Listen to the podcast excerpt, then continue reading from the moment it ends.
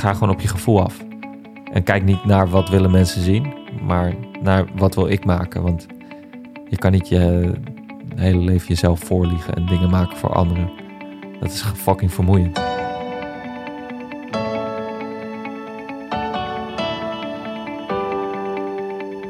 Yes, welkom bij een nieuwe aflevering van Make. Mijn naam is Chris Pauw. Ik ben een filmmaker en fotograaf. En ik wil graag zoveel mogelijk leren van andere makers. En daarom ga ik in deze podcast in gesprek met creatieve makers die mij inspireren. In de hoop ook jou te inspireren om te blijven maken en groeien. En deze week ga ik in gesprek met Veras Favas. Veras is filmmaker, regisseur, schrijver en muzikant. Maar hij is eigenlijk nog veel meer dan dat. Voor mij is hij de belichaming van een echte creatieve maker.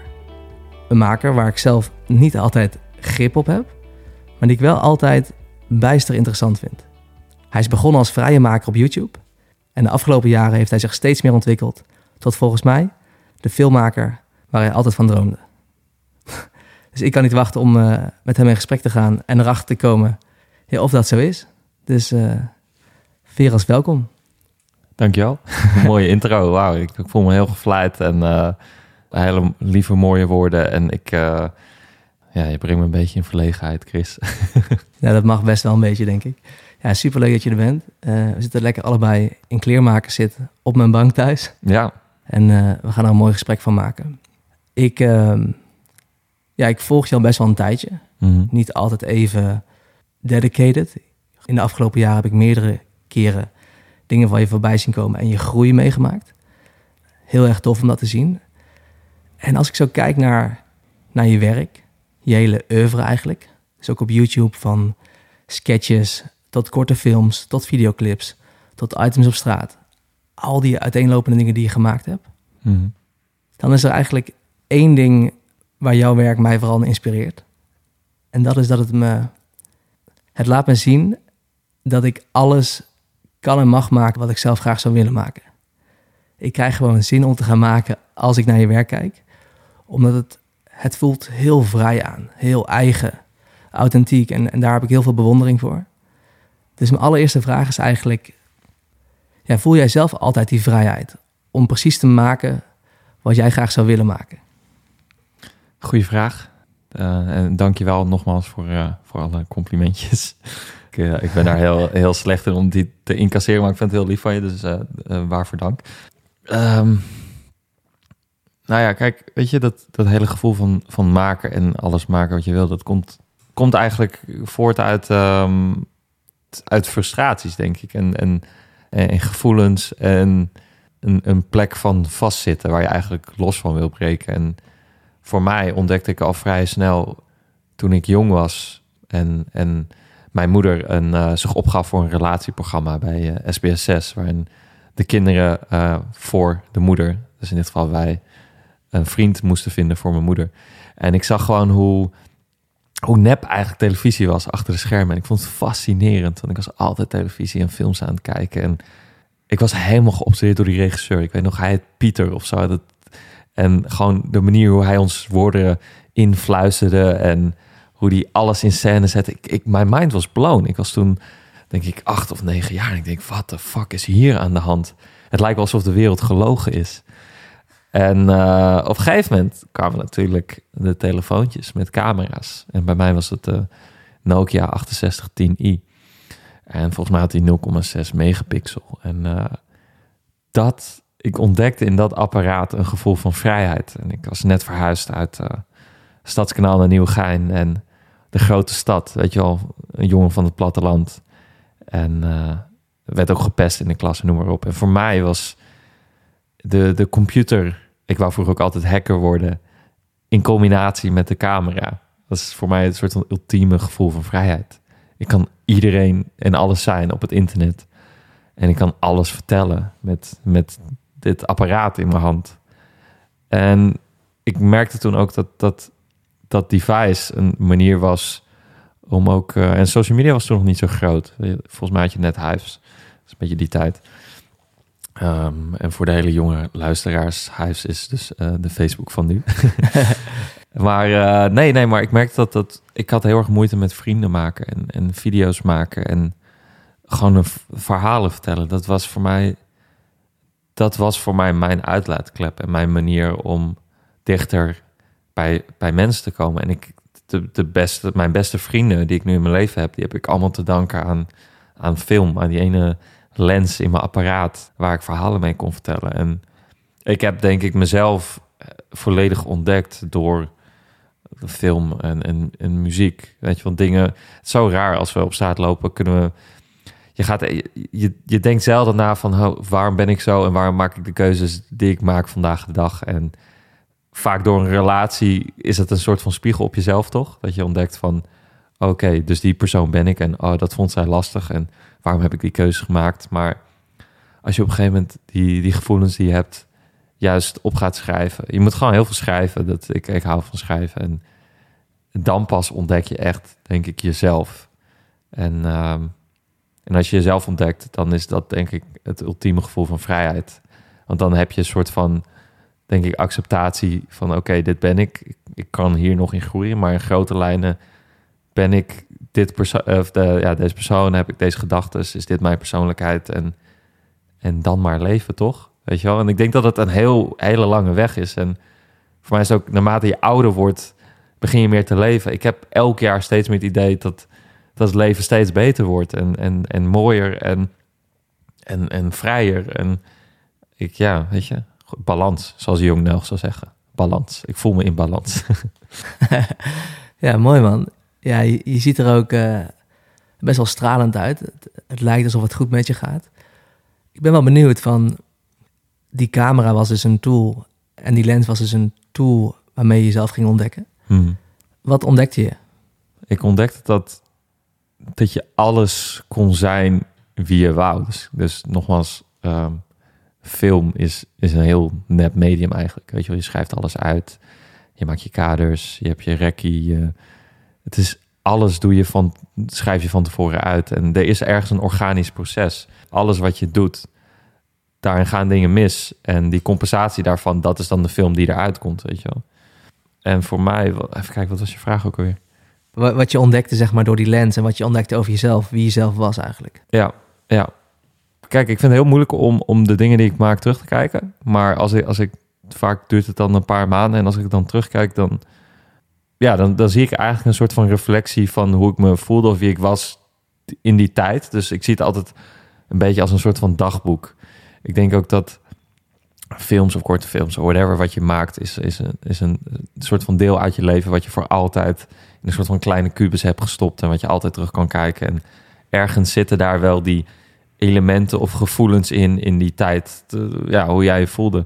Dus voor mij zijn ja, al die, al die kleine kindjes, weet je wel, die ik op het leven of die, die nu soort van voor altijd leven op het web of ergens anders. Op een CD-ROM in een kast dat, dat zijn eigenlijk kleine wolkjes met, met, met gevoelens, weet je wel, die ik terug kan kijken en soort van ja, kan, terug kan reflecteren op, op dat deel van mijn leven. En ik denk juist dat als je ja, gewoon nadenkt over de dingen die je al hebt gemaakt, dat je, dat je daar weer van kan groeien, zeg maar. Dus ehm, ik denk dat het heel belangrijk is om terug te kijken naar, naar wat je hebt gemaakt en daardoor kan je ook weer vooruit gaan. Dus ja, weet je, net als met de geschiedenis, leren van je fouten. We moeten leren van de fouten die we vroeger hebben gemaakt, weet je wel. Of het nou, eh, weet ik veel, de VOC is of uh, uh, de NSB'ers. weet je, dat kan alle kanten op. Maar ik denk dat het heel belangrijk is om, om, om onze geschiedenis te erkennen en, en daarvan te, van te leren, weet je wel. Daarom vind ik thema's als religie ook bijster interessant, omdat het een soort van tijdloos ding is waar we allemaal wel hoe dan, uh, hoe vroeg of laat ook wel mee te maken krijgen. Um, dus ja, maar ik weet het ook niet. Ik geloof ook maar wat. dat mag zeker. En als je dan kijkt naar een van de grootste lessen die je hebt geleerd door het maken van al die verschillende soorten video's en die je nu helpt in je huidige werk als regisseur en filmmaker. Welke grote les heb je daaruit meegenomen? Ik denk dat je dat het heel belangrijk is om je gevoel te volgen. Dus om keuzes te maken vanuit, uh, vanuit liefde, zeg maar. Dus waar vaak beginnende filmmakers of weet ik veel creatievelingen of eigenlijk jij als mens zijnde keuzes... Oh, wat even het hele grond. Waarin je keuzes maakt op basis van wat, wat mensen willen horen... moet je denk ik op een gegeven moment gewoon zelf in een soort van acceptatie zijn van... nee, maar dit voelt voor mij goed en ik ga gewoon deze weg in. En het 9 van de 10 keer zal het echt niet de weg zijn die mensen willen zien. Maar ik denk op een gegeven moment als je dat vaak genoeg doet... dat je een soort van zelfvertrouwen opbouwt en, en de vrede in hebt. Dus ik vond, wat ik best wel moeilijk vond is... Uh, mijn eerste videoclips... dan zit je dus met een muzikant en dan, dan pitch een idee, een treatment... En uh, mijn ideeën zijn best wel duister, weet je wel. En, en ik schaamde me daar bijna voor. Ik denk van, ja, kut, hoe moet ik dit nou zeggen, weet je wel. Dan heb ik dit bedacht, weet je wel. Uh, ik, als voorbeeld te nemen, ik had een keer voor Jong Nelg een clip bedacht... waar het kind wat je vroeger was, dat, dat draag je altijd mee. Maar dan letterlijk. Dus ik had een hele wereld soort van geschetst... waarin iedereen een soort van klein kind die dood was... met zich meedroeg als een soort van bagage... Je kon daar vrolijk zijn of verdrietig, maar je had altijd die bagage van vroeger, maar dan letterlijk gevisualiseerd. Maar ja, goed, dat is best wel een, morbide visual, weet je wel. Je, op een gegeven moment zie je Nelg in een, in een cabrio met een, met een dood kind naast zich, die precies zoals hem gekleed is. Maar ik vond de symboliek heel mooi. Maar goed, ja, dan om dat te pitchen en, en het daarover te hebben. En dat is, ja, weet je, op een gegeven moment denk, moet je gewoon, denk ik, ja, vertrouwen op je intuïtie en gevoelens maken vanuit liefde. Dus, ehm, dus ja, ik denk gewoon dat ik maar de liefde ga volgen en ik kijk wel waar het mij brengt. Ja, ja mooi man. Ja, want dat is ook een beetje wat ik met die eerste vraag bedoelde. Of jij altijd de vrijheid voelt om dat te maken wat je wilt. Ik heb wel eens naar jouw werk gekeken en dan gedacht van...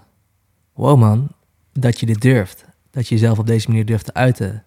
Dat je iets durft te laten zien wat misschien niet heel duidelijk is, wat niet altijd meteen helemaal te begrijpen valt.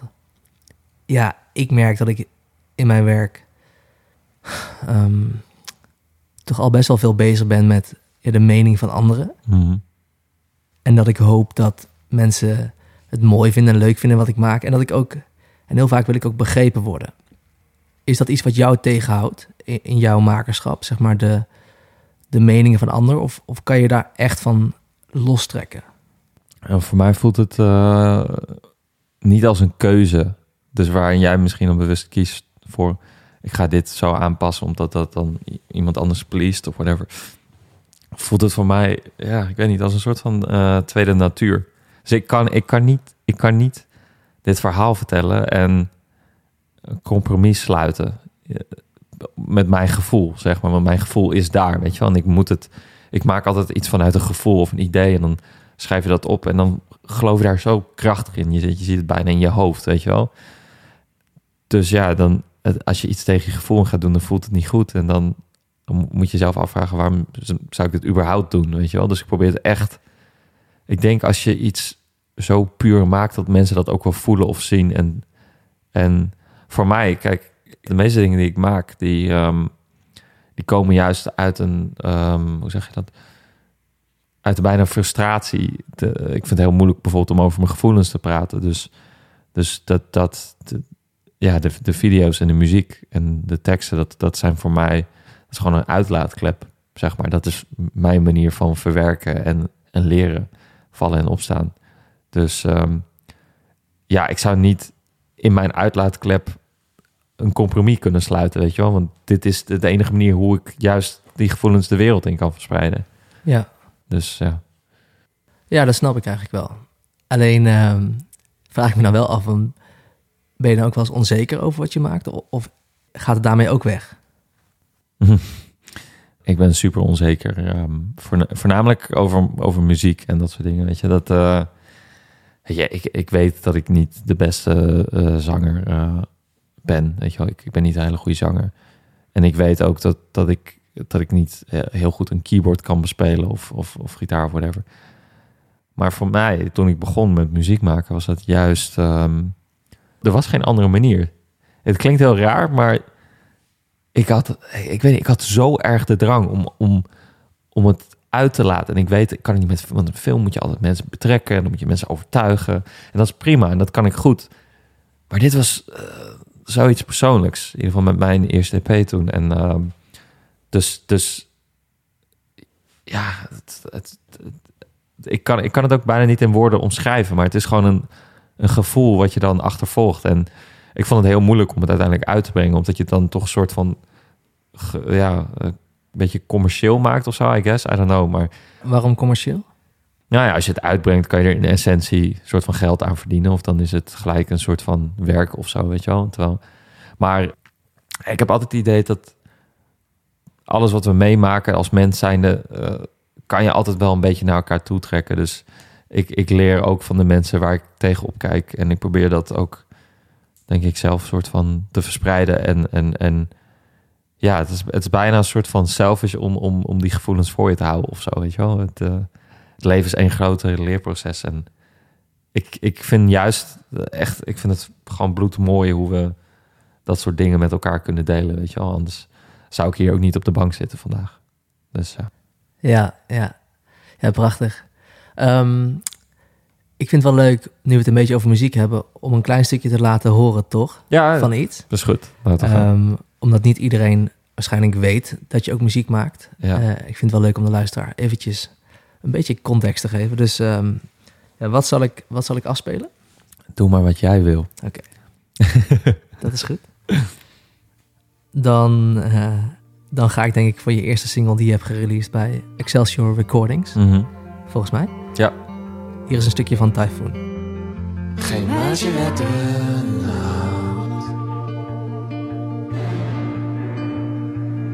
Denk alleen aan. Vind je het eng? Ik vind het wel fijn. Cijfers in mijn hart. Zet gelijk de toon. Tyfoon door het gras. Draaien en draaien, tijd staat weer stil. Iedereen wacht, iedereen wacht. Het land is op de slot, ze slokt me zo erg op. Ze slokt me zo erg op, ze slokt me zo erg op. Draaien en draaien, tijd staat weer stil.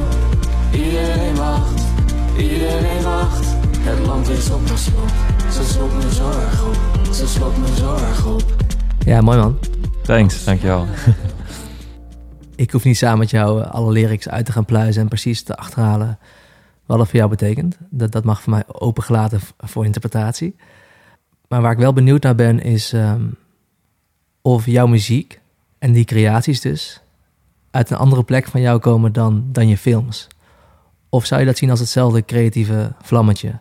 Alleen kies je een andere kunstvorm daarvoor om dat te uiten? Goeie vraag. Um, nou ja, kijk, als je, als, je, als je film gaat maken, dan, dan is het een groot proces. Veel mensen. Veel mensen, veel voorwerk. Weet je wel, ik ben nu bezig met een serie. Nou, dat, dat is een traject van minstens een jaar, misschien wel twee. Weet je wel, dus dat is echt iets waar je goed over na moet denken. Dus ook al kunnen daar nog wel nog steeds die diepe gevoelens in zitten, die je altijd al hebt gehad. Ergens moet je daar veel mensen, moet je dat eigenlijk de hele tijd bewaken met, met veel mensen, weet je wel. Dus dat, dat, dat pure gevoel wat je had, dat wil je in een film stoppen, maar ergens gaan de hele tijd mensen eraan kneden en, en een beetje, een beetje uit elkaar trekken. Dus je, je wil dat zo puur mogelijk definiëren. Alleen muziek, dat is zo puur en zo klein. Weet je wel, ik, ik, in dit geval deed ik het samen met, met een andere artiest, of een producer, Dylan van Daal. En um, dus je, zit met z'n tweeën in een ruimte en ja, je kan bijna gewoon niet weg als je, dat, als je naar die gevoelens zoekt. Zeg maar, die gevoelens die zijn daar. En dat leg je gewoon vast met je stem. Net als ik nu met jou praat. En ik kan niet op een andere manier puur dan dat communiceren, weet je wel, van mens naar mens. Dus ik denk dat, dat muziek en tekst slaat er natuurlijk ook op aan. Want de dingen die je zegt, die zijn ook belangrijk. Melodielijnen ook, de manier waarop je het zegt. Maar dat is wel, denk ik, dat, eigenlijk de, überhaupt de reden waarom ik muziek maak. Het is gewoon de puurste vorm van, van je emoties uiten, voor mijn gevoel. Weet je wel, het is heel... Weet je, zingen zelf is ook heel onnatuurlijk, weet je wel. Wij als mensen willen al vanaf de oertijd echt, weet je, de, de, ons, ons maag bewaken, weet je, want daar, daar zijn we het meest fragiel, weet je wel.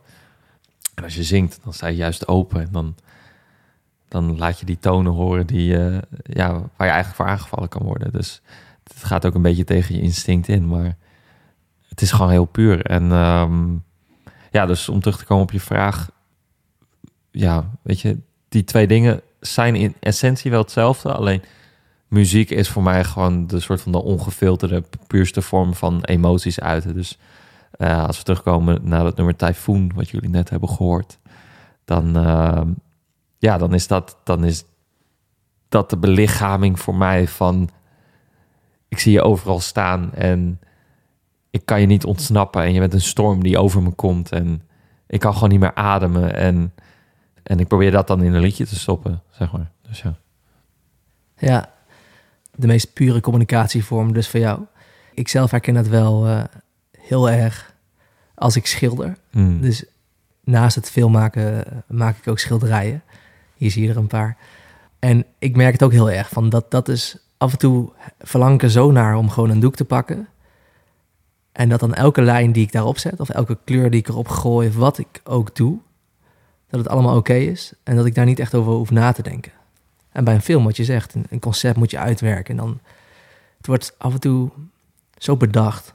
En uh, dat kan wel eens uh, vermoeiend zijn. Dus die, af, dus die afwisseling, uh, ja, daar ben ik zelf ook heel erg fan van, fan van. En ik vind het ook leuk om te zien dat anderen daar dus ook heel erg van genieten. Um, als we even teruggaan naar het filmmaken. Ik zei in mijn intro al, je bent begonnen op YouTube. Dat was jouw speeltuin. Daar heb je jezelf leren kennen en, en je creativiteit, volgens mij, heb je daar leren omarmen. Hoe heb je op een gegeven moment de, de, de transitie gemaakt van YouTube meer richting het, het professionele filmmakerschap? Dus de videoclips en, en de commerciëlere klussen die je dus nu doet. Hoe, uh, hoe was die transitie voor je? En, en, en om het in de woorden te zeggen van uh, met een T, een luisteraarsvraag. Hoe was de switch van YouTube naar pro shit? Wauw. Ja, goede vraag. Uh, ja, heel, heel moeilijk. Want laat, laat ik vooropstellen, ik, ik vind YouTube uh, inderdaad een, soort van prachtige speeltuin waar ik mezelf kan ontdekken en waar ik gewoon, gewoon lekker met vrienden kan lachen en, en vet video's kan maken. En alles is mogelijk. Alleen ik merk gewoon wel dat naarmate de jaren vorderen, dus we zijn in 2009 begonnen en daarin was echt nog alles mogelijk. Wat betreft humor, wat betreft uh, muziek. Dus ik gebruik altijd een soort van auteursrechtelijke muziek. En naarmate de jaren, ja, weet je, we zitten nu in 2020, nu is het echt een beetje een soort van commercieel platform geworden waarin. En ik probeer het niet te bekritiseren, want dit was altijd al de weg die het zou moeten worden als het succesvol zou zijn. Maar um, ja, weet je, als je weet ik veel naar dingen zoals uh, weet ik veel stuk tv of gasten of gewoon elke influencer kijkt, dan iedereen kijkt van elkaar en het wordt op een gegeven moment zo'n soort van gehakt molen met uitgekoude shit wat iedereen doet, weet je wel. En het is nu steeds meer dan weer tv aan het worden en gewoon de essentie van wat online video's maken vroeger was, dat is de los voor mij een beetje af. Want ik heb ook nooit echt geld verdiend met, met, met YouTube. Een klein beetje met fijne vrienden, maar dat is echt verwaarlozen. Maar um, voor, mij was het, voor, mij was die overgang eigenlijk heel organisch. Ik denk gewoon als je op een gegeven moment geen, geen plezier meer hebt in, in wat je maakt, of je denkt van nee, maar kan beter, dan, dan, dan maak je die, die stap gewoon langzaam. En voor mij was filmmaken altijd al soort van om nummer één ding. Ik heb het altijd al daarnaast gedaan, weet je wel.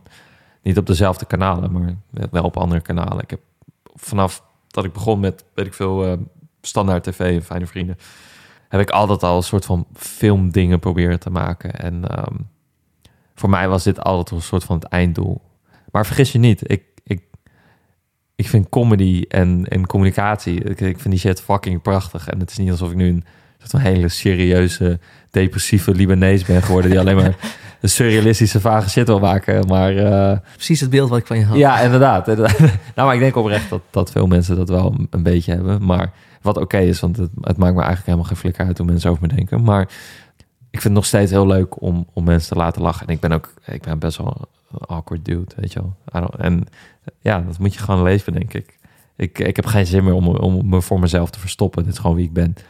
En, uh, maar ja, er, er, komen echt nog wel een aantal online dingen aan. Ik weet niet of, of YouTube het hele platform daarvoor is. Maar het is niet alsof ik dat soort van helemaal achterwege laat. Alleen, ik realiseer me wel dat als ik voor mijn dertigste een speelfilm wil maken, wat soort van mijn grote droom is, dan kan ik niet langer in die speeltuin uh, in het modder gaan spelen. Dan moet ik ook eens even met de grote jongens uh, uh, ja, even iets gaan bouwen. Dus dat is een beetje de, de kanttekening die we nu maken. Maar ik vind het allebei nog prachtig hoor, overigens. Ja, mooi gezegd. Duidelijk. Je eerste grote stap om die droom te realiseren was volgens mij je eerste officiële korte film Leeuw, Panter, Wolvin. Daar wil ik zo meteen nog even wat dieper met je induiken. Maar eerst ben ik benieuwd, toen je die transitie maakte, uh, werd je meteen geaccepteerd door die andere wereld? Bijvoorbeeld bij videoclips. Ik kan me voorstellen dat een, een Fabriello of een, een Busy, waar je dus clips voor gemaakt hebt, ook eerst naar je konden kijken van, oh, dat is toch die YouTuber? Kan hij ook mooie artistieke clips maken die mij als artiest kunnen representeren? Dus werd je meteen serieus genomen en, uh, en kreeg je meteen uh, ja, klussen eigenlijk? Goeie vraag. Dan geef je mij ook complimentjes. ja, nou, het zijn goede vragen. Dus uh, je, hebt, je, hebt, goed je onderzoek gedaan. Appreciate it. nee, um, nee, ja, nee, kijk. Ik veel, als je op een schoolplein een bak met spuug opdrinkt in 2009 en vervolgens ja, een soort hele vrouwenvriendelijke formats uh, op internet doet. Nee, natuurlijk neemt niet iedereen serieus. Maar ik denk dat juist die ja, balans gewoon heel fijn is om te doen. Dus ik probeerde wel langzamerhand al serieus videoclips te doen. Ik denk dat mijn eerste echte serieuze... Dus ik had al wel echt wel, denk ik, zes of zeven clips gedaan. Maar meer serieus was denk ik met Joost, Scandinavian Boy, voor Top Notch. Ja, en dat was toevallig ook denk ik de eerste waarvan ik ik impressed was eigenlijk door, door jouw talent als, als visual storyteller. Dus dat is wel grappig dat je die nu noemt. Vertel.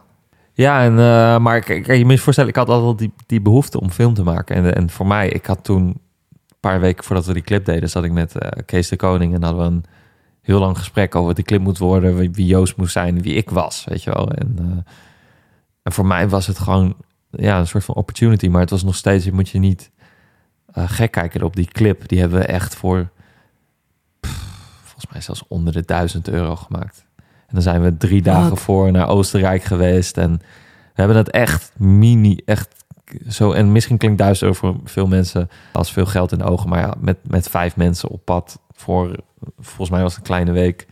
En we hebben toen twee clips zelfs gedaan. Tristan Anoy was de cameraman toen. Ja, klopt. Maar nee, nee, dit, dit, weet je, en dat, dat was ook het mooie aan Scandinavian Boy. En dat is ook iets wat ik later in mijn optiek nog, nog veel meer heb probeert te perfectioneren. Dat is dat filmen zo organisch dat zo'n clip, Scandinavian Boy, kan je gewoon bijna niet plannen. Het is gewoon locatie scout, goed alles kijken, wat wil ik vertellen, waar gaan we heen? Ja, weet je, in, in de natuur en het licht en al die elementen waar we, waar we geen grip op hebben, behalve in de studio, die maken, maken die clip uiteindelijk, weet je wel. En er zijn hele moeilijke dagen en er zijn makkelijke dagen, maar al die elementen, dat zie je gewoon terug. Of het nou is op het gezicht van Joost, die zich kapot zit te zweten in, in, in een, tram die omhoog gaat. Of, of het licht dat net perfect onder de bomen valt in het uh, Zwarte Woud uh, in Duitsland. Weet je wel, dat, uh, of een waterval waar Joost niet over een hekje durft heen te klimmen. Uiteindelijk hebben we geforceerd. En, je, je, voelt gewoon die emotie als je hem ziet zitten en, en, en hij druppelt water weet je, op de grond. Um, ja, ik weet niet. alles komt gewoon zo mooi samen. En... Maar dan moet je wel op, moet je wel op durven vertrouwen. Ik heb zelf ook dat soort clips gemaakt, waarbij je dus een, een, een kader schetst voor het concept. En als ze het voelen, de artiesten en de management, gaan ze daarin mee. Nou, top. Maar dan moet het wel gaan gebeuren. Ja, dus hoe regisseer je dat toch? Want je laatste clip met Remmen, die ook de gast was laatst in deze podcast, uh, waarvan je trouwens de groeten kreeg in de podcast. Goedjes terug. um, het is ook een soortzelfde soort idee. Je ging daar ook weer een prachtige bos in, in Duitsland volgens mij ergens. Ja. Dus hoe zoek je dan de balans tussen wat je in je hoofd hebt en durven loslaten en erop durven vertrouwen dat het gaat ontstaan? Hoe de fuck doe je dat? Um, nou ja, uh, die, die laatste clip voor Remmen laten we die als voorbeeld pakken. En die, dat idee had ik dus ook voor een Scandinavian Boy 2. Dus um, dus ik wou het altijd al met Joost doen. En toen had ik een heel vaag concept voor Remmen bedacht. En hij dacht, hij zag die clip van Joost. Hij zei, ja, ik wil eigenlijk meer zoiets. En toen dacht ik van, nou, oké, fuck it. Dan gaan we gewoon een soort van sequel op die clip maken. Maar dan met een ander artiest. Waarom ook niet. Nou ja, het, ja, het proces uh, in grote lijnen is gewoon... Je hebt een producer die je vertrouwt. En die gaat gewoon ja, proberen locaties te vinden op basis van jouw visie. Dus ik denk dat het, het is heel belangrijk om op te schrijven... wat wil ik ongeveer, ongeveer vertellen, weet je wel... En dan ja, zorg je gewoon de, de enige manier waarop zo'n clip kan werken is dat je een soort van. Dat is voor mij ook altijd belangrijk, weet je. Want daarom heb ik een trui met Let's Always Be Friends op. Ik, ik wil gewoon zo'n. Voor mij is. Weet je, ik ben niet een spiritueel persoon, maar sfeer en vibe, dat is alles. Weet je wel, en je, je ziet het niet, maar je voelt het wel. Je voelt in een kamer, weet je wel, als de sfeer niet goed is. Maar je kan het niet zien, maar je voelt het gewoon en alles. Het is heel raar, weet je wel. Het is een manier hoe wij connecten met mensen. Dus voor mij, mijn, mijn filmsets, waar je, denk als je van de filmacademie komt en een bepaalde hiërarchie gewend bent, probeer ik dat eigenlijk volledig los te laten. Hierin is gelijkwaardig en we zijn gewoon, het is altijd een soort van kleine roadtrip waar we plezier gaan hebben met z'n allen. Het is niet werk. En ik denk dat dat een hele belangrijke lijn is om te bewaken. Uh, want tegelijkertijd heb ik wel die regisseurspet op. Maar probeer ik dat eigenlijk zo min mogelijk te laten zien aan de jongens. Dus ik ben wel constant bezig met... Oké, heb ik alle puzzelstukjes waarmee ik mijn edit kan leggen? Gaan we nog dat bos in daar? Ga ik hem even daar tussen die rivier leggen? Oké, hoe gaan we dat draaien? Hebben we een reflectiescherm? Nog even lig je daar? Maar ondertussen zijn we gewoon het grap aan het maken. En is het gezellig. En is het bijna niet vervelend dat Remmen uh, voor tien minuten lang op een stuk hard rots moet zitten. Terwijl hij uh, een heel vervelend licht in zijn hoofd of uh, in zijn ogen geduwd krijgt. En is de cameraman met een statief tussen een waterval die elk moment kan vallen. Waardoor ons hele project in doeken loopt. Maar het shot is wel echt fucking vreed. Ja, dus je bent eigenlijk de boel een beetje aan het verbloemen. Maar ik denk dat dat, dat, dat, ja, dat, dat voor mij persoonlijk, dat, dat is de magie van film, weet je wel. Daar zijn en daar voelen en, en ook vooral ervan genieten. Want als ik thuis kom, dan heb ik echt wel heimwee naar, naar die momenten die ik met mijn vrienden heb meegemaakt.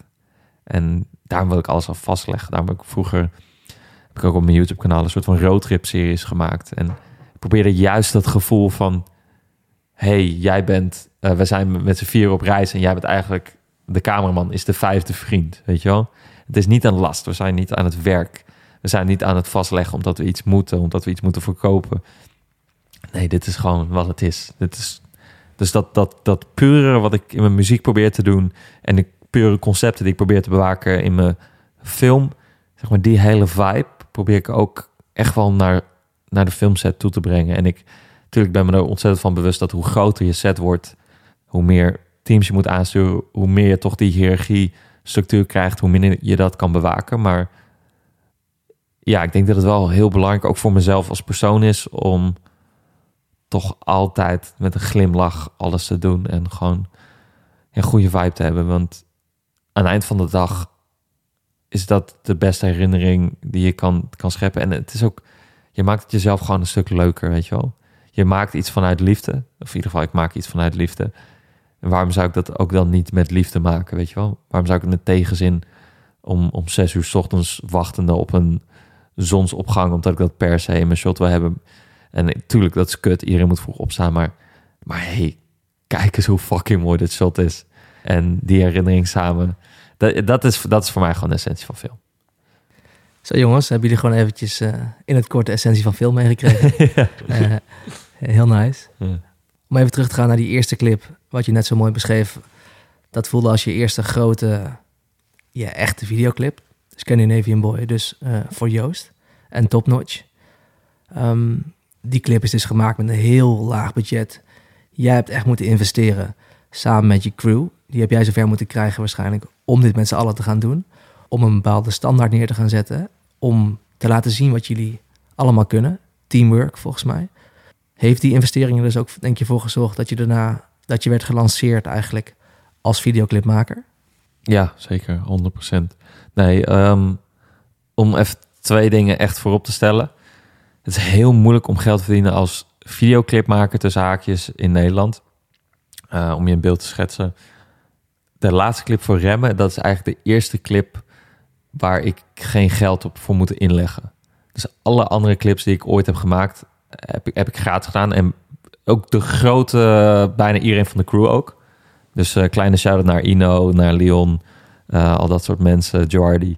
Uh, maar um, ja, dus je, dus je kan daar geen geld mee verdienen. Maar het is, het is een onwijze investering. En het mooie aan een videoclip is... Dus ik zie mezelf niet als een videoclipmaker. Maar het mooie aan een videoclip is dat je... Je kan binnen drie, drie minuten... Dat is gewoon een runtime van een nummer. Kan je, kan je een verhaal vertellen. Het is gewoon een kleine korte film. Dus voor mij zie ik het als een opportunity. Dus als Busy mij vraagt van... hey, wil je een clip van me maken? En ik luister Busy muziek. En ik zeg tegen hem... nee, want ik vind je muziek niet goed genoeg. En ik zeg volgens tegen hem... maar stuur me maar je meest emo nummer toe. En volgens stuurt hij een emo nummer... En voel ik me kut, want ik zit in een uh, gebroken, ik heb een gebroken hart. Ik kom net uit een relatie en ik heb daar een prachtig verhaal bedacht. Dan zie ik dat, uh, gebruik ik eigenlijk zijn nummer als mijn platform om mijn verhaal te vertellen. En dat is voor mij de essentie van clip maken. Ik maak niet een clip om een nummer te. Ja, je maakt het om een nummer te visualiseren, maar je, je doet het ook om een, om, om een verhaal te vertellen. En dat is eigenlijk altijd, dat staat bij mij op nummer één. Ik kan niet een clip maken zonder dat ik een verhaal vertel. Ik kan niet iemand op drie locaties laten performen, zoals een frames production, en uh, daar genoegen nemen met, met mezelf. Want waarom zou ik het dan doen? Als ik dat zou doen, dan ben ik een clipmaker. Dan, dan maak ik iets in dienst van anderen. Maar is die clip van Busy, maar ook die clip van Remmen. Eigenlijk bijna alle clips die ik maak, die maak ik eigenlijk altijd voor mezelf. Het komt puur uit het gevoel van ik wil dit verhaal vertellen en ik gebruik, ik gebruik eigenlijk bijna artiesten daarvoor, zo zie ik het een beetje. Klinkt heel lullig. Maar... Ook daar herken ik mezelf wel een beetje in. Alleen wat ik daar moeilijk aan vind, is mooi en leuk dat je, die, dat, je dat nummer gebruikt om je eigen verhaal te vertellen. Maar als je mensen erbij moet betrekken, dus Ino en Leon in dit geval, zijn ook vrienden van je. Je hebt ze nodig om dat verhaal te maken, om die clip te maken. Maar die kunnen dat niet eindeloos, zeg maar, tegen een vriendendienst doen. Dus, dus hoe, zorg je dan voor die balans dat je toch de mensen waar je graag mee werkt genoeg waarde levert. Ook concrete waarde, gewoon waar, waar ze mee naar de, supermarkt kunnen. En ze meekrijgen in jouw visie voor het grotere plaatje. Ja, dat ik, ik zelf vind dat een blijvend dilemma. Mijn netwerk aan makers, die kennen het, groeit best wel. En het voelt best wel rot om elke keer daar die bron uit te putten. Klinkt misschien al negatief, maar hoe ga je daarmee om?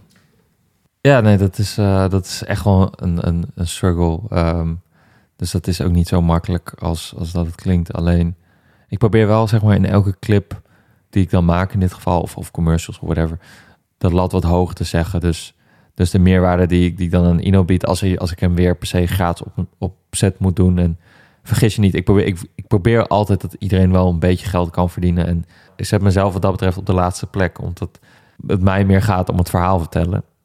Maar um, maar ik probeer dan de meerwaarde daarvan te doen. Ik probeer het vooral technisch dan um, uh, mezelf en, en de crew uit te dagen. Dus ik, ik, het wordt wel elke keer een stuk moeilijker wat we maken. En uh, we proberen het wel steeds groter te maken. En ja, we hebben echt, echt moeilijk onmogelijke dingen gedaan met te weinig geld. Maar uiteindelijk is het wel gelukt, weet je wel.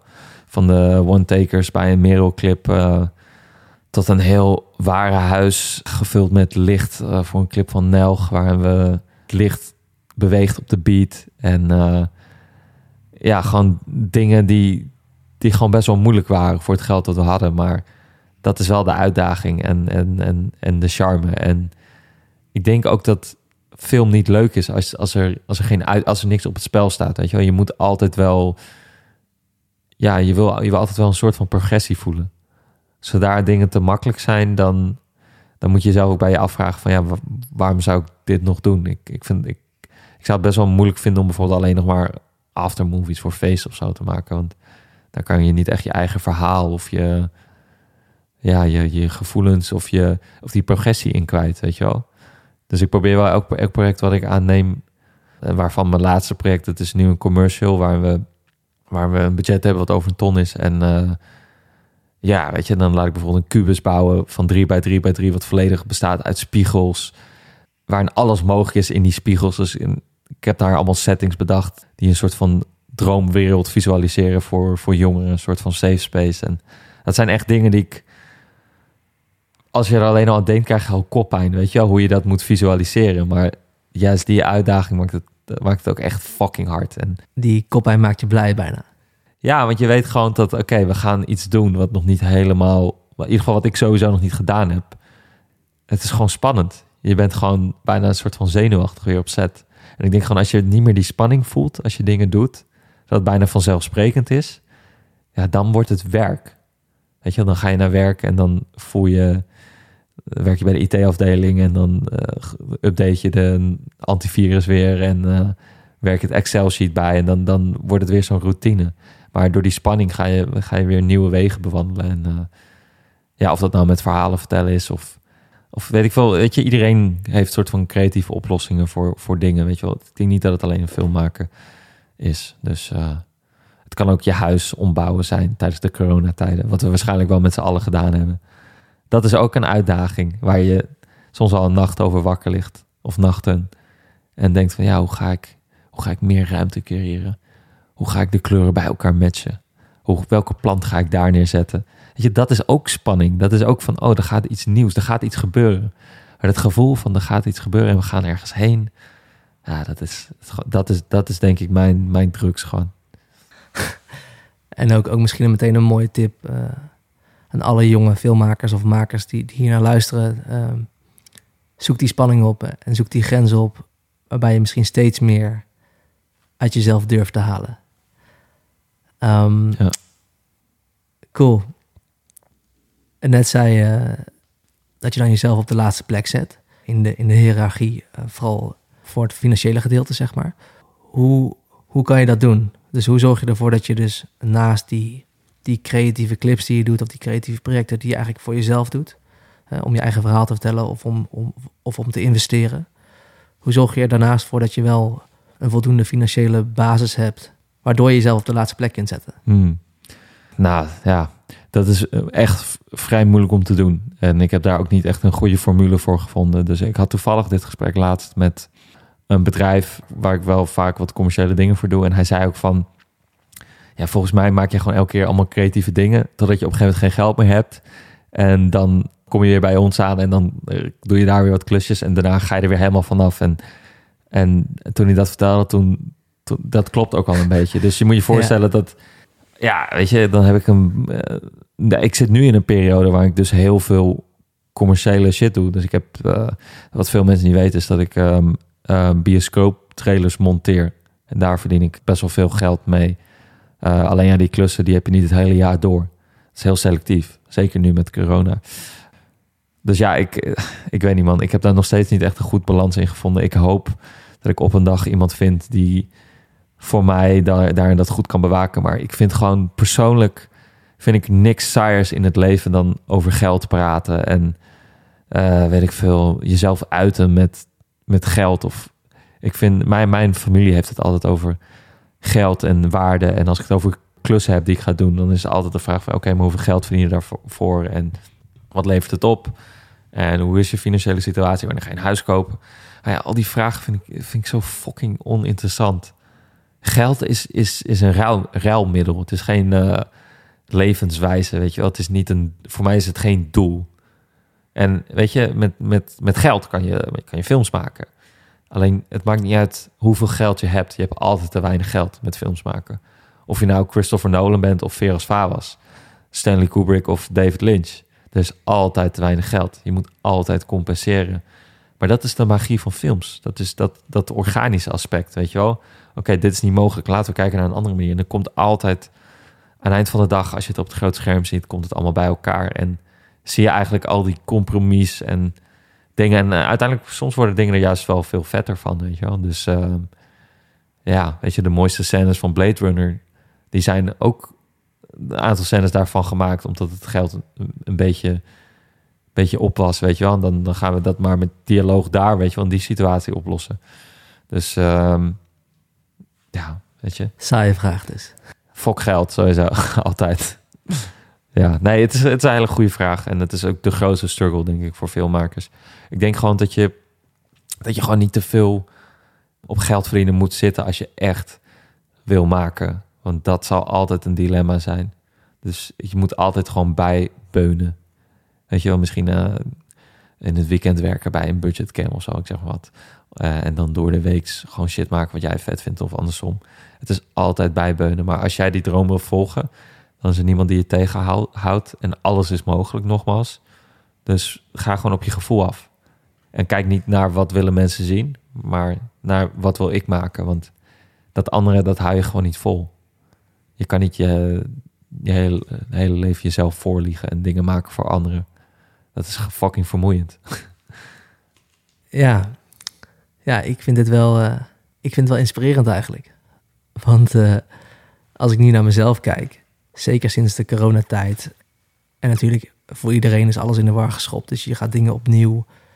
Je gaat opnieuw een soort overzicht creëren voor jezelf. En, de regels en, de spelregels zijn wat anders. En ik merk heel duidelijk dat mijn filter minder sterk is. Eerst had ik echt een veel duidelijkere visie en, en wilde ik alleen maar bepaald werk maken wat in mijn ogen iets toevoegt aan de maatschappij of, of dat ik belangrijk genoeg vond. Verhalen vertellen die ik belangrijk genoeg vind om dus te vertellen. Maar nu merk ik wel dat ik iets meer, ja, iets meer geld gedreven ben. Dus dat ik iets makkelijker uh, ja, allerlei klusjes aanneem om gewoon weer dat buffer weer, weer recht te krijgen. Dus ik vind wel voor mij ook alweer ja, toch een mooie push om, uh, om altijd dingen te blijven maken die je zelf op basis van je eigen gevoel. Dus dingen die je echt vanuit je hart komen, vanuit jezelf. Want bij jou voel ik gewoon heel erg dat dat drijft jou. En dat, dat is gewoon wie je bent. En dat vind ik, uh, vind ik wel heel mooi aan dit gesprek uh, so far. Dus dank je wel daarvoor. Um, daarover gesproken, iets maken vanuit je gevoel. Volgens mij is Leeuwpanterwolfin daar een heel mooi voorbeeld van. Een, uh, ja, ik wil, ik wil hem omschrijven als, als een korte, duistere film. Hoe, hoe zou je hem in het kort zelf omschrijven? Wat voor film is het? Ja, het is een soort van droom waarin je iemand volgt, maar eigenlijk is die iemand niemand. Misschien is het wel jijzelf, want de hoofdpersoon praat bijna niet. En uh, ja, uh, het is iemand die wakker wordt in een huis wat hem niet bekend voorkomt. En in elke kamer wordt hij geconfronteerd met wellicht dingen uit het verleden. Of ook weer niet. Ik wil eigenlijk niet veel antwoord op al die dingen geven. Maar, maar het is inderdaad volledig gemaakt vanuit gevoel. En ja, een soort van routine waar je eigenlijk in vast zit. Een koortstroom waar je niet uit kan ontsnappen. Een oneindige nachtmerrie. En uh, ik moest dat gewoon visualiseren. Weet je, die gevoelens die waren voor mij al best wel, die lagen al best wel lang op de plank. En uh, dit verhaal vond ik het beste aansluiten om die gevoelens te vertalen naar film. Maar het was wel, wel moeilijk hoor, om daar ook andere mensen voor te overtuigen. Ja, dat snap ik wel. Het is prachtig gemaakt. Ik heb op YouTube bijna nog nooit zoiets unieks gezien, denk ik. De korte film staat nu op YouTube, op je kanaal. Wat me trouwens opviel, die heeft al maar 6000 views, terwijl andere, andere soort video's die je hebt gemaakt, honderdduizenden views. Dat, uh, dat vond ik wel opmerkelijk. Um, maar dat even terzijde het is niet het meest toegankelijke verhaal. Dus ik snap wel dat het niet makkelijk was, was om mensen mee te krijgen. Ik heb hier eigenlijk twee vragen over. Eén luisteraarsvraag die, die een beetje hierop gebaseerd is. En mijn eerste vraag is: Je bent op weg naar je eerste grote speelfilm, voor je dertigste dus. Volgens mij ben je nu 27. Ja, klopt. Wat heeft het maken van deze korte film je geleerd voor het maken van die grote speelfilm? Um, goeie vraag. Ik heb op een gegeven moment in 2009 heb ik een, um, een film proberen te maken. Ik ga het verhaal heel, heel even kort houden, maar het kwam op neer dat ik een verhaal van iemand anders ging maken. En uiteindelijk stond ik niet helemaal achter het verhaal, maar ik wou gewoon heel graag een film maken. En uh, ik kom uit best wel een arm gezin, dus er was niet echt geld. Ik werkte niet, want ik wou maken. het probleem wat ik nu nog steeds heb. Ik zie maken ook niet als werk. Maar ja, dus op, ik heb op een gegeven moment heb ik geld geleend van een drugsdealer. En uh, daarvan heb ik mijn film gefinancierd. En uh, die film die is helemaal mislukt eigenlijk. Basically, we hebben een week lang gedraaid. En uh, ik heb me eigenlijk nog nooit zo kut en minderwaardig gevoeld. En gedacht van, oké, dit is niet wie ik ben. Blijkbaar wou ik altijd filmregisseur zijn, maar dit kan ik niet. Ik ben gewoon niet goed genoeg. Ik had ook nooit een opleiding daarvoor gedaan. Maar ik wou gewoon heel graag maken. Dus ik zat nog steeds in dat gevoel van, oké, ik, moet, ik, moet, ik weet niet waarom, maar dit moet gemaakt worden. Alleen, ja, het is gewoon, gewoon, het is gewoon helemaal mislukt.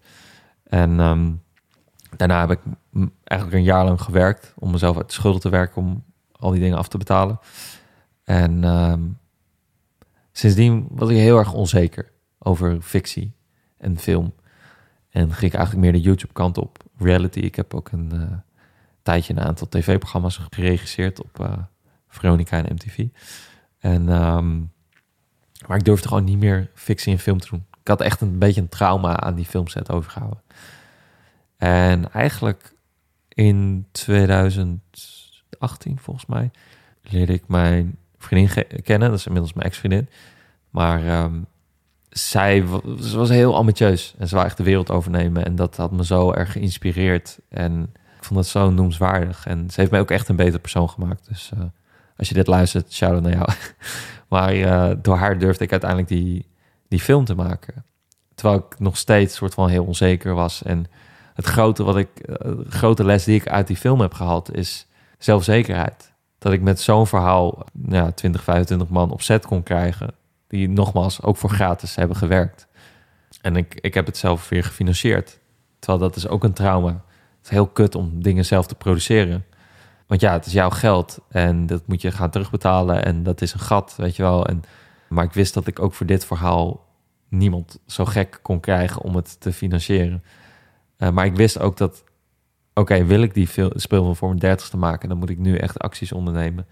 En ik voelde me goed bij dit verhaal en ik heb er ontzettend veel van geleerd. Dingen die ik nooit meer ga doen, dingen die ik ga doorzetten. Ik uh, ben inmiddels bezig nu met een uh, serie voor of misschien NPO of Videoland.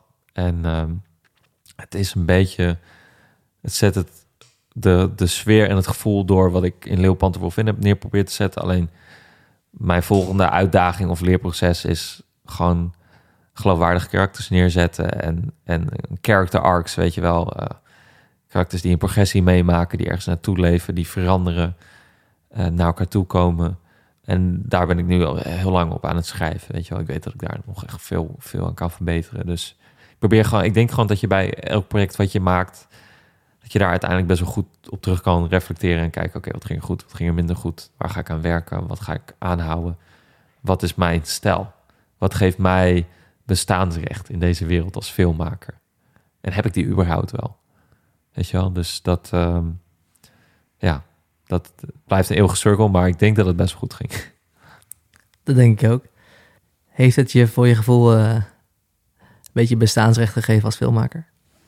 Nou, het grootste compliment wat ik over die film gekregen is dat uh, Martin Koolhoven me had geappt en zei van, gewoon heel kort zoiets van, oh, je hebt wel echt, je hebt wel echt je eigen stijl of zoiets. En dat, dat vond ik heel hard om vooral van hem te horen, want ik zie hem een beetje als een mentor. En uh, dat is ook wel echt iets wat ik een beetje probeer te bewaken. En dat dat, weet je, het is, ik, ik, ik was toevallig gisteren naar een, uh, naar Louis Hardloper, wat een soort van arthouse uh, bioscoop is. En ik zag daar weer zo'n uh, dramafilm. En weet je, voor mij persoonlijk als filmmaker is, is film een, een plek om te ontsnappen. Juist van alle shit wat je in je leven hebt.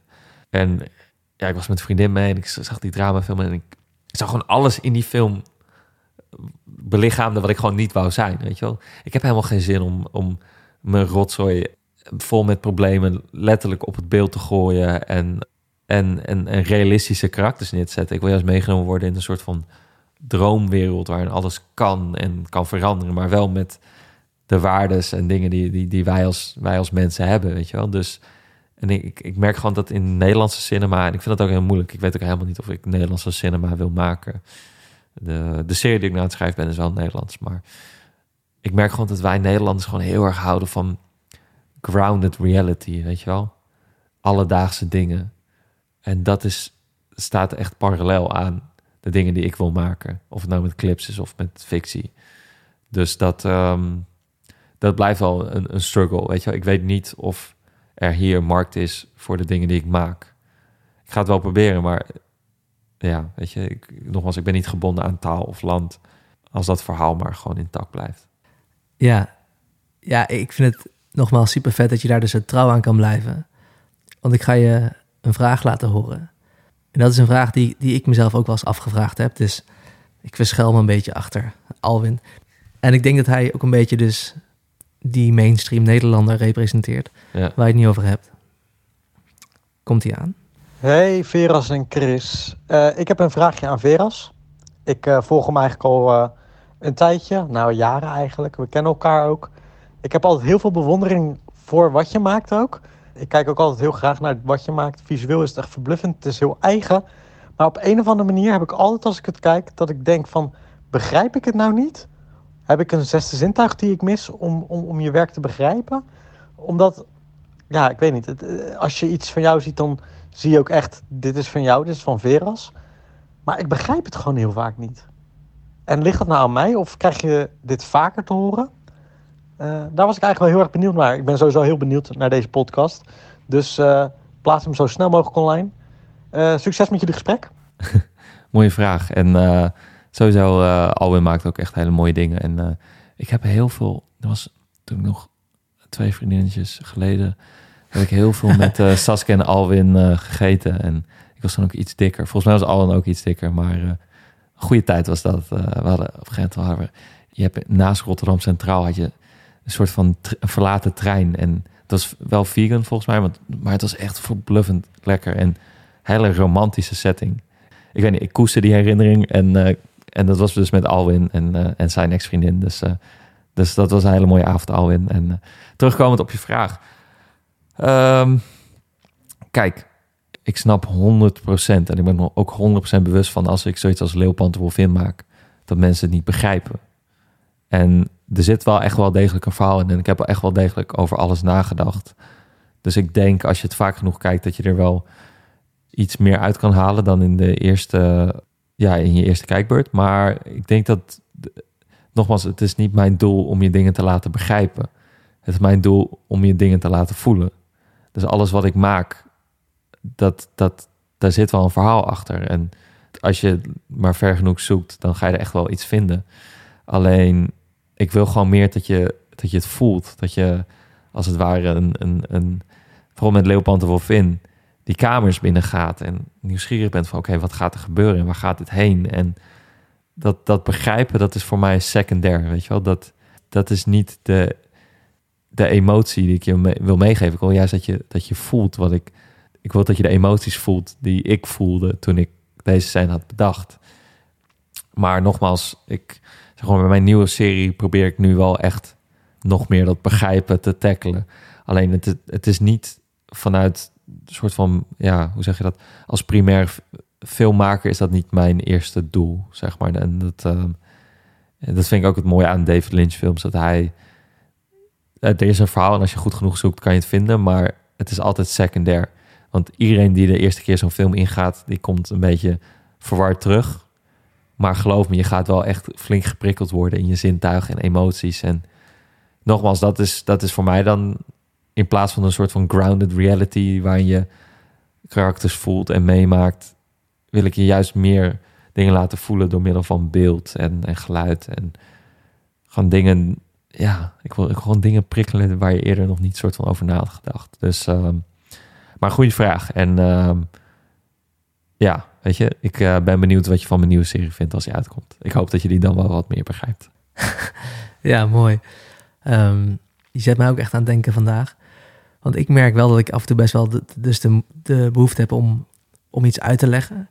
Een van mijn mooiste videoclips waar ik heel trots op ben, is een uh, One Taker uh, clip voor Matt Simons. Een, een, bijzonder nummer van hem. Heb ik met 50 mensen uit de LGBT community heb ik een One Taker choreografie gemaakt met borden. En, Vet. Nou, heel trots op. Bijna een half jaar over nagedacht. Meerdere lagen zitten erin. Dat heb ik gewoon achteraf. Heb ik een, uh, samen met een vriend van mij een behind the scenes documentaire gemaakt. Een mini-docu. Waarin ik letterlijk uitleg wat alles betekent. Mm -hmm. Het is alsof ik een soort van angst heb dat mensen niet zien hoe doordacht het is. Dat mensen niet begrijpen van, hé, maar kijk goed, er zit, er zit echt heel veel in. Dat wilde ik bijna door mensen hun strot duwen. Mm -hmm. En eigenlijk is dat best wel, wel zonde als ik dus naar jouw verhaal hoor. Denk van, ja, waarom laat je dat niet gewoon over aan, aan de kijker? Fuck het, als het goed voelt voor jou als maker, is het toch genoeg? Hmm. Ja, dus dat herken je dus niet.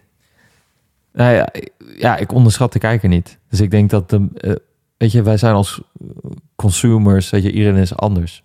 Dus ik ben, uh, ik heb uh, Tenet nu al twee keer gezien. Ik vind het een geweldige film kan me ook ontzettend goed inleven dat mensen het niet begrijpen of kut vinden.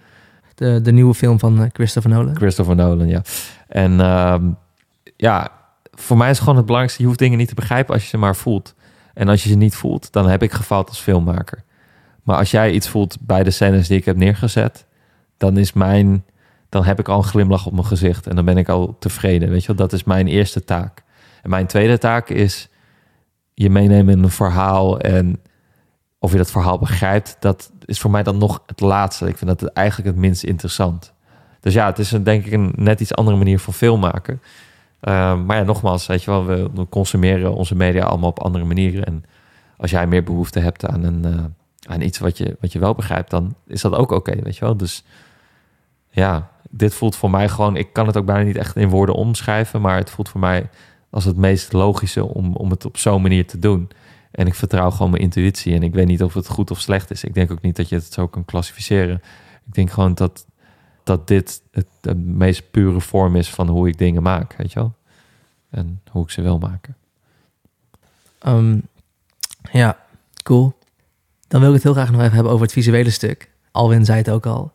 Je herkent jouw werk redelijk snel. Het heeft ook een visuele stempel, vind ik. Volgens mij is het heel belangrijk, ook dus esthetiek en cameravoering en licht en compositie. Uh, samen doe je dat dus met je DOP Ino van der Zanden. Ik heb een vraag hierover binnengekregen van een andere DOP, Nino Kennis. En uh, die stelt deze vraag. Hey jongens, goedemorgen. Ik was eigenlijk vooral benieuwd of je meer een regisseur bent die precies wil vastleggen wat er in je hoofd zit. Wat betreft look and feel en uh, de camera movement, zeg maar. Of dat je juist regisseur bent die heel erg dingen overlaat aan een DP, zodat die eigenlijk dat soort dingen kan invullen. Elke regisseur die eh, werkt natuurlijk anders en de ene die is veel strikter in wat hij wil en uh, de andere die geeft heel veel vrijheid. Dus ik was vooral benieuwd naar hoe jij het fijn vindt om te werken met DOP's. Ja, mooie vraag. Nee, ik ben um, nou, met Ino uh, dus ik heb veel clips met Ino van de Sander gedaan. En met Ino heb ik wel, is mijn visie echt heel duidelijk. En hoe de dingen in mijn hoofd zitten, schrijf ik al uit in de shotlist. Hij heeft hier en daar nog wel een beetje invloed erop. En, en ook qua licht en zo. Maar voor mij is, ik, ja, ik, ik, ik zie mezelf ook bijna als een soort van halve DP eigenlijk, wat dat betreft. Uh, omdat de, de verhalen zie ik al als een soort van groot bios, bioscoopscherm in mijn hoofd vormen. Dus ik hoef het alleen nog maar uit te schrijven en, en te regisseren. En ja, nogmaals, je vertelt door middel van camerabeweging en kadrering een verhaal, weet je wel. Dus het is ook zeker wel echt... Tuurlijk is het ook wel iets voor de DP, maar het is ook echt wel iets voor de regisseur om te bewaken. En uh, ik moet zeggen, de nieuwe dingen die ik nu ga maken, probeer ik eigenlijk juist met andere DP's een beetje te spelen en te kijken hoe zij dat doen. Ik doe nu iets met uh, Tobias Smeets, die juist ook veel dingen heeft geregisseerd en iets meer um, eigenwijzer is. En wat ik ook wel fijn vind. Dus ik, ik, ja, dit, dit is hoe ik het tot nu toe heb gedaan. Maar ik, ik sta ook echt wel open voor, juist voor suggesties. Het is altijd een, een samensmelting van dingen. Ik ben ook niet een soort van dictator die op de set precies gaat vertellen hoe het gaat gebeuren. Ik vind juist de input van iedereen heel fijn, weet je wel.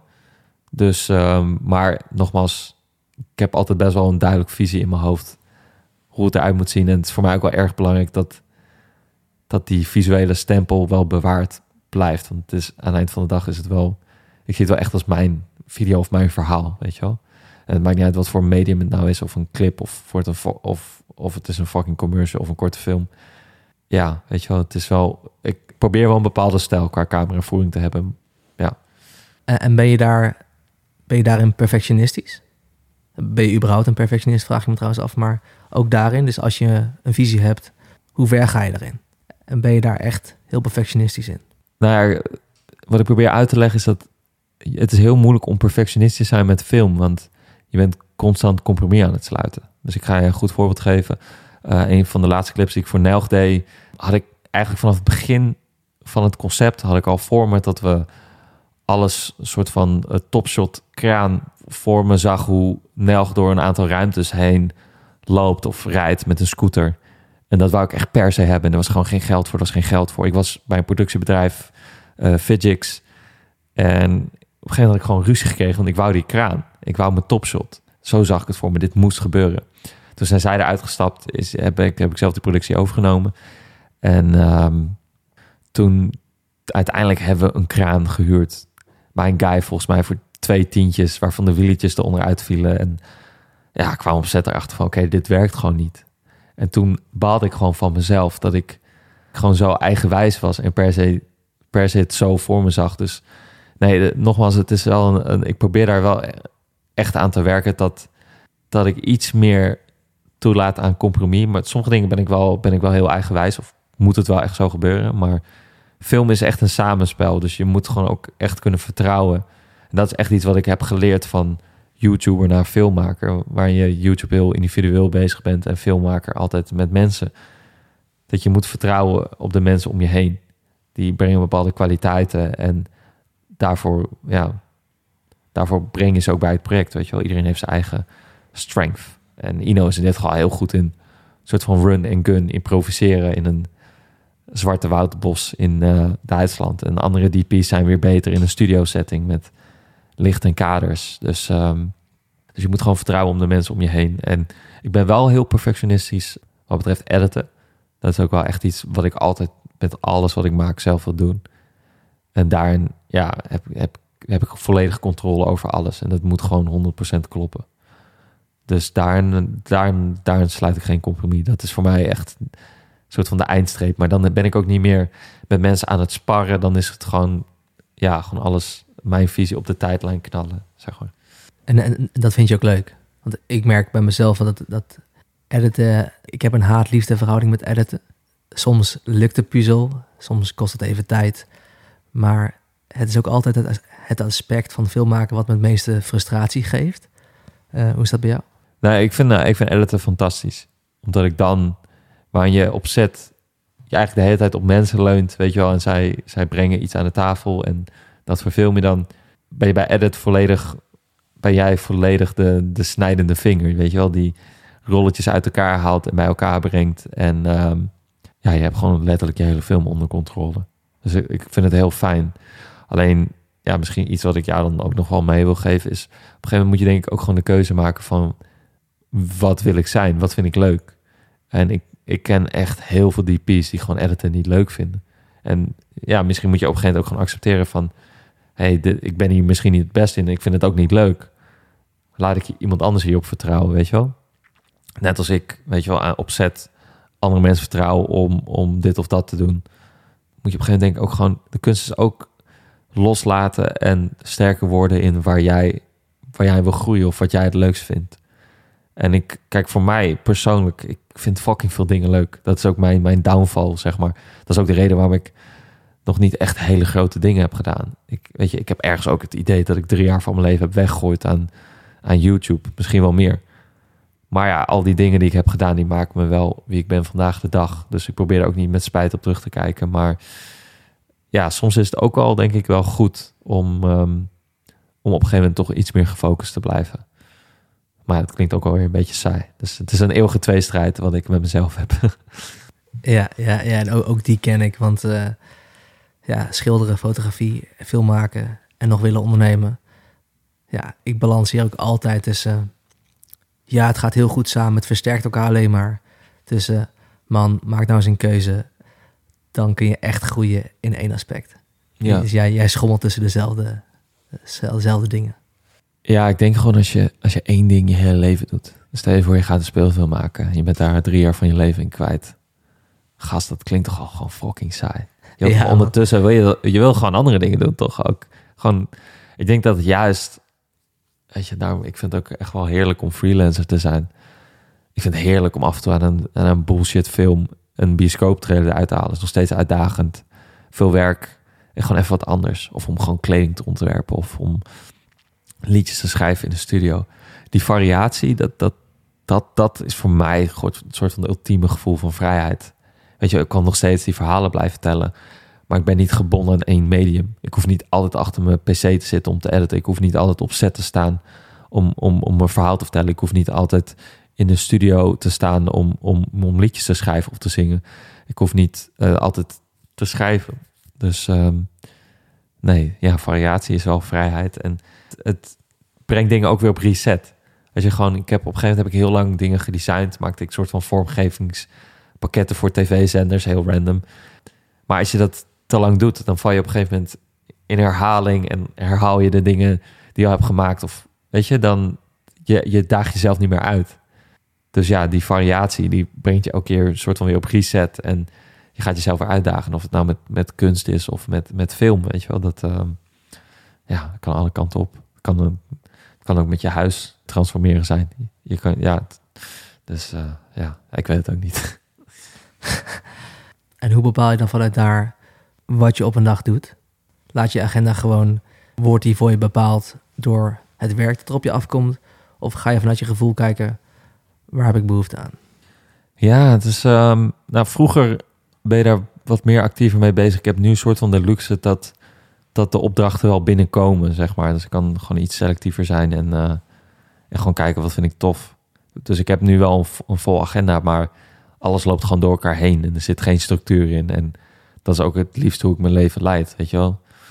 De ene dag werk je s'nachts door, de andere dag sta ik vroeg op set. Ik heb geen vast, vast schema. Ik ben, ben gewoon een vogel, weet je wel. Ik kan morgen naar Tokio verhuizen en alles laten vallen en nog steeds dingen maken. En dat gevoel van vrijheid, ik weet niet, ik herken dat ook bij mijn vader, weet je wel. Die, die zei ook altijd dat hij niet op één plek wil blijven. En ik, ik denk ook gewoon als je op een gegeven moment gaat settelen en een relatie krijgt en in een huis gaat wonen en vier jaar daar woont en je vriendin op een gegeven moment vraagt van ja, nou, misschien moeten we nu wel kinderen nemen en je krijgt kinderen en je neemt die hond erbij, dan zit je vast in het systeem, weet je wel. Dan, dan moet je wel dat leven gaan leiden.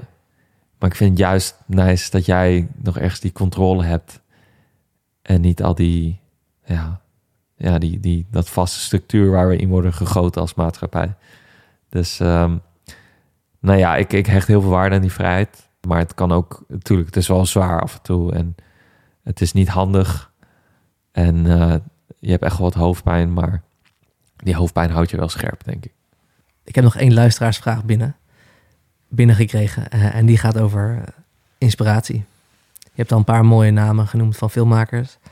Dus ik ben benieuwd. Hey Veras, Chris hier. Ja, ik was even benieuwd hoe jij ooit bent begonnen met het uh, creëren van content. En waar haal je ook al die inspiratie vandaan voor je videoclips en uh, je korte film bijvoorbeeld? Groetjes. Ja, en dan uh, laten we vooral focussen op die tweede vraag. Dus waar haal je dus die inspiratie vandaan? Um, goeie vraag.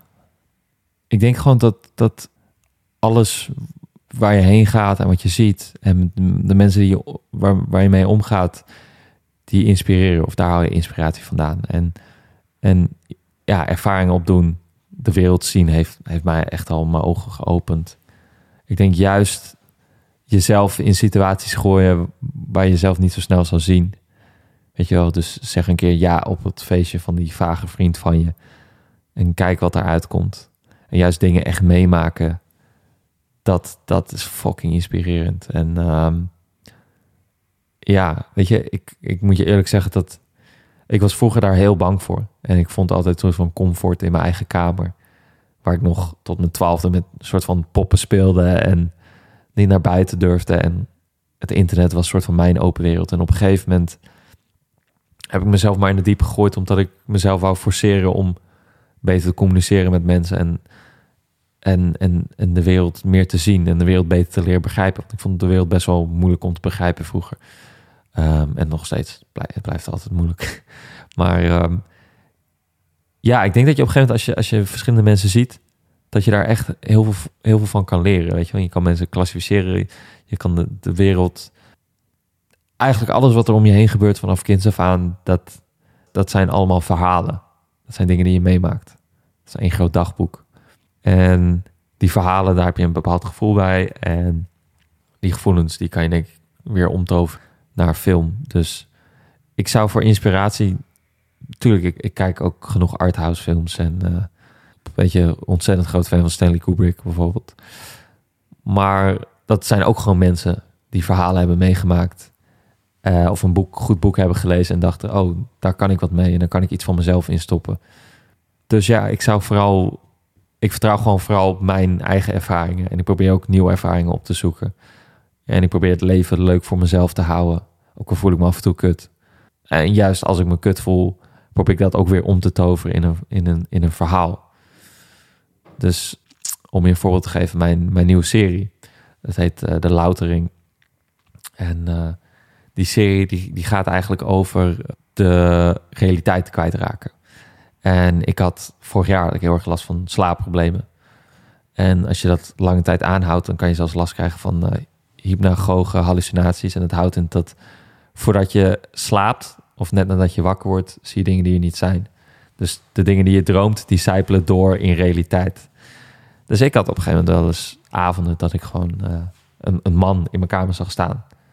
Of spinnen op het plafond. En dat is heel heftig, want je bent een soort van half aan het trippen bijna. En je ziet dingen die niet zijn. En je denkt dat ze wel echt zijn, want je ziet het met je ogen. En alles wat we zien met onze ogen, dat moeten we geloven, toch? Dus, um, maar ja, weet je, je kan zoiets meemaken en je daar heel kut over voelen. En dat heb ik ook echt wel zeker wel gedaan, een tijdje. Maar juist daarna bracht het me zoveel inspiratie om erover te schrijven. En de, de nachtmerries en de dingen die ik heb gezien, heb ik gewoon in woorden gelegd. En weet je, vanuit daar het voelt ook weer zo puur om dan zo'n dus mijn nieuwe serie is dan ook eh, een, een psychologische horror ja, serie. En het voelt zo logisch om dat in woorden te brengen en te vertellen. Dus ik denk gewoon dat alles wat je meemaakt, dat dat inspiratie is. En dat moet je niet voor lief nemen. Dat moet je gewoon opschrijven. En dat is, en koester die herinneringen. Weet je, hoe kut ze ook waren. Dus alle kutte momenten die ik meemaak. En uh, weet ik veel, weet je, hoe vaak mijn hart ook gebroken wordt. Dat zijn dat zijn levenslessen. En daar groei ik alleen maar van. En het zou bijna zonde zijn om daar niet een verhaal mee te vertellen. Want dan is het, voor mij is het eigenlijk al die, die pijnlijke dingen. Ik heb best wel een moeilijke jeugd gehad en al die pijnlijke dingen die ik heb meegemaakt. Ik wil niet dat dat, dat voor niks was, zeg maar. Ik probeer daar juist uh, kracht uit te halen en juist verhalen mee te vertellen. En ja, hoop dat andere mensen daar iets van kunnen leren. En ze hoeven niet te begrijpen als ze het maar gewoon voelen. Als ze maar voelen hoe ik mij toen voelde. En dan voelt het voor mij als een soort van verantwoord. Dan maakt het bijna niet uit hoe erg het ook is wat je hebt meegemaakt. Want uiteindelijk hou je daar iets goeds uit. Dus ik denk dat, weet je, ja, it's just a way of uh, coping with things, I guess, weet je. Ja. Mooi gesproken. Dankjewel. Voor velen ben je, en dus voor mij ook, ben je een inspiratiebron in het makerschap uh, en ook als persoon. Hoe je in het leven staat en hoe je, je hebt gevochten om bepaalde dingen in je leven misschien om te buigen naar, naar pure creaties. Waarmee je misschien iets toevoegt aan de wereld zelfs, of aan de levens van mensen. Daarom wil ik je eigenlijk als laatste vraag wil ik je graag stellen. Uh, wat zou je nog willen zeggen tegen, tegen die jonge makers, tegen de ambitieuze makers, wie dan ook, die je als een inspiratiebron ziet en die ook graag meer vanuit hun gevoel de dingen zou willen maken die hij of zij graag wilt maken, dat niet altijd durft en dingen wil bereiken zoals jij die hebt bereikt. Wat kan je nog meegeven aan, aan die mensen? Uh, allereerst weer heel erg bedankt voor je complimentjes, Chris. ik, uh, We gaan lekker door. ja, ik vind dat heel, het blijft moeilijk om dat aan te horen, maar heel lief. Thanks daarvoor, appreciate it. Um, en um, ja, weet je, ga gewoon over je, op je gevoel af. En um, ja, weet je, ik heb ergens ontdekt toen ik ergens twintig werd, dat alle clichés die ik van mijn ouders meekreeg, dat er altijd wel waarheid in zit. Hoe corny as fuck het ook is. Dus, dus als ik nu zeg, ga op je gevoel af, dan is waarschijnlijk je eerste instinct van, hey, dat is een corny as quote. Weet je wel, die heb ik vaker gelezen. Maar ik wil gewoon meegeven dat, dat, dat in je gevoelens zit waarheid. En in je gevoel kan je iets maken wat je wil maken. Want als je ergens niet van houdt, dan kan je daar niet aan vast blijven klempen. Of het nou een relatie is of of iets met film. Of je huis waar je in woont. Weet je het is met alles in het leven. Alle keuzes die je maakt, maak, je, maak ik in ieder geval vaak vanuit liefde. Dus wil jij als jonge filmmaker gaan maken, maak dan vanuit liefde. Maak die keuzes vanuit liefde. En, en het is een lange weg te gaan. Het is fucking moeilijk. En heel veel mensen zullen zeggen dat je niet goed genoeg bent. En weet je, al die dingen heb ik ook voorbij horen komen. En er gaat ook van altijd alles mis.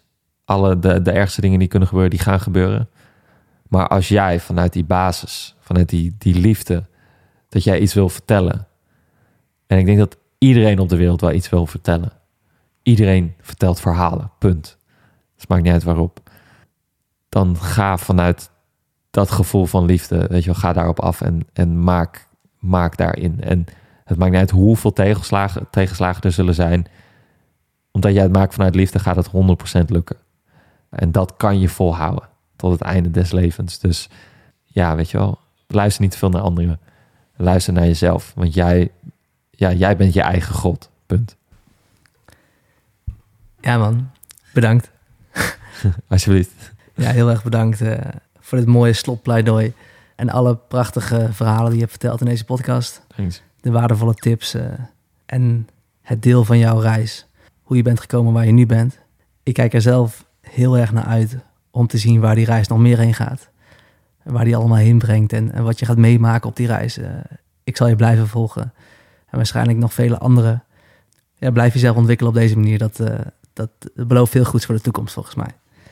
Ja, dus ga ik afronden. Ja, ja uh, en Chris, ik wil jou ook bedanken voor je gesprek. Je bent, denk ik, ja, weet je, je hebt echt een hele goede vraag gehad. Appreciate it. Je hebt echt goed je onderzoek gedaan, dat heb ik gehoord. Je hebt me, uh, je hebt me ook gevraagd voor deze podcast met een, met een video wat ik echt fucking vet vond. Uh, en ik heb ook een paar dingen ondertussen even gehoord van je. Ik vind dat jij het ook echt ontzettend goed doet. Dus waarvoor chapeau. En na deze podcast ga ik ook wat werk van jou checken. Ik ben benieuwd wat jij doet. Ik wil je ook heel veel succes wensen met alles. En volgens mij ziet jouw toekomst er ook zeer rooskleurig uit. En als dat niet zo is, dan gaat het überhaupt wel ooit een keer zo zijn. En ik denk ook voor onze luisteraars. Dus uh, jullie bedankt voor je tijd. En Chris, jij echt bedankt voor dit opzetten. Ik vind het een uh, fucking awesome podcast. En uh, veel succes in het leven houden. Thanks man, only love. Tegen de luisteraar wil ik ook graag zeggen, ja, super bedankt voor het luisteren. Het was een lange podcast. Ik heb met heel veel plezier genoten van Vera's verhaal. Ik hoop jij ook. Ik hoop dat je tot het einde erbij bent gebleven. Tot het einde bent geboeid. En vooral bent geïnspireerd om van het liefde te gaan maken. Die dingen die in je hart zitten, om die uh, te gaan uiten. Op welke manier dan ook. En ik, uh, ik wens je ongelooflijk veel succes daarbij. Ga daarvoor. Ik hoop dat je met mij mee blijft reizen in deze podcast. In mijn zoektocht naar ja, wat de fuck het creatieve leven inhoudt. En alles wat daarbij hoort. Elke maandag een nieuwe podcast. Een nieuwe Make podcast. En ik, ik hoop dat je de volgende keer weer bij bent. Bye bye. Later. doei doei.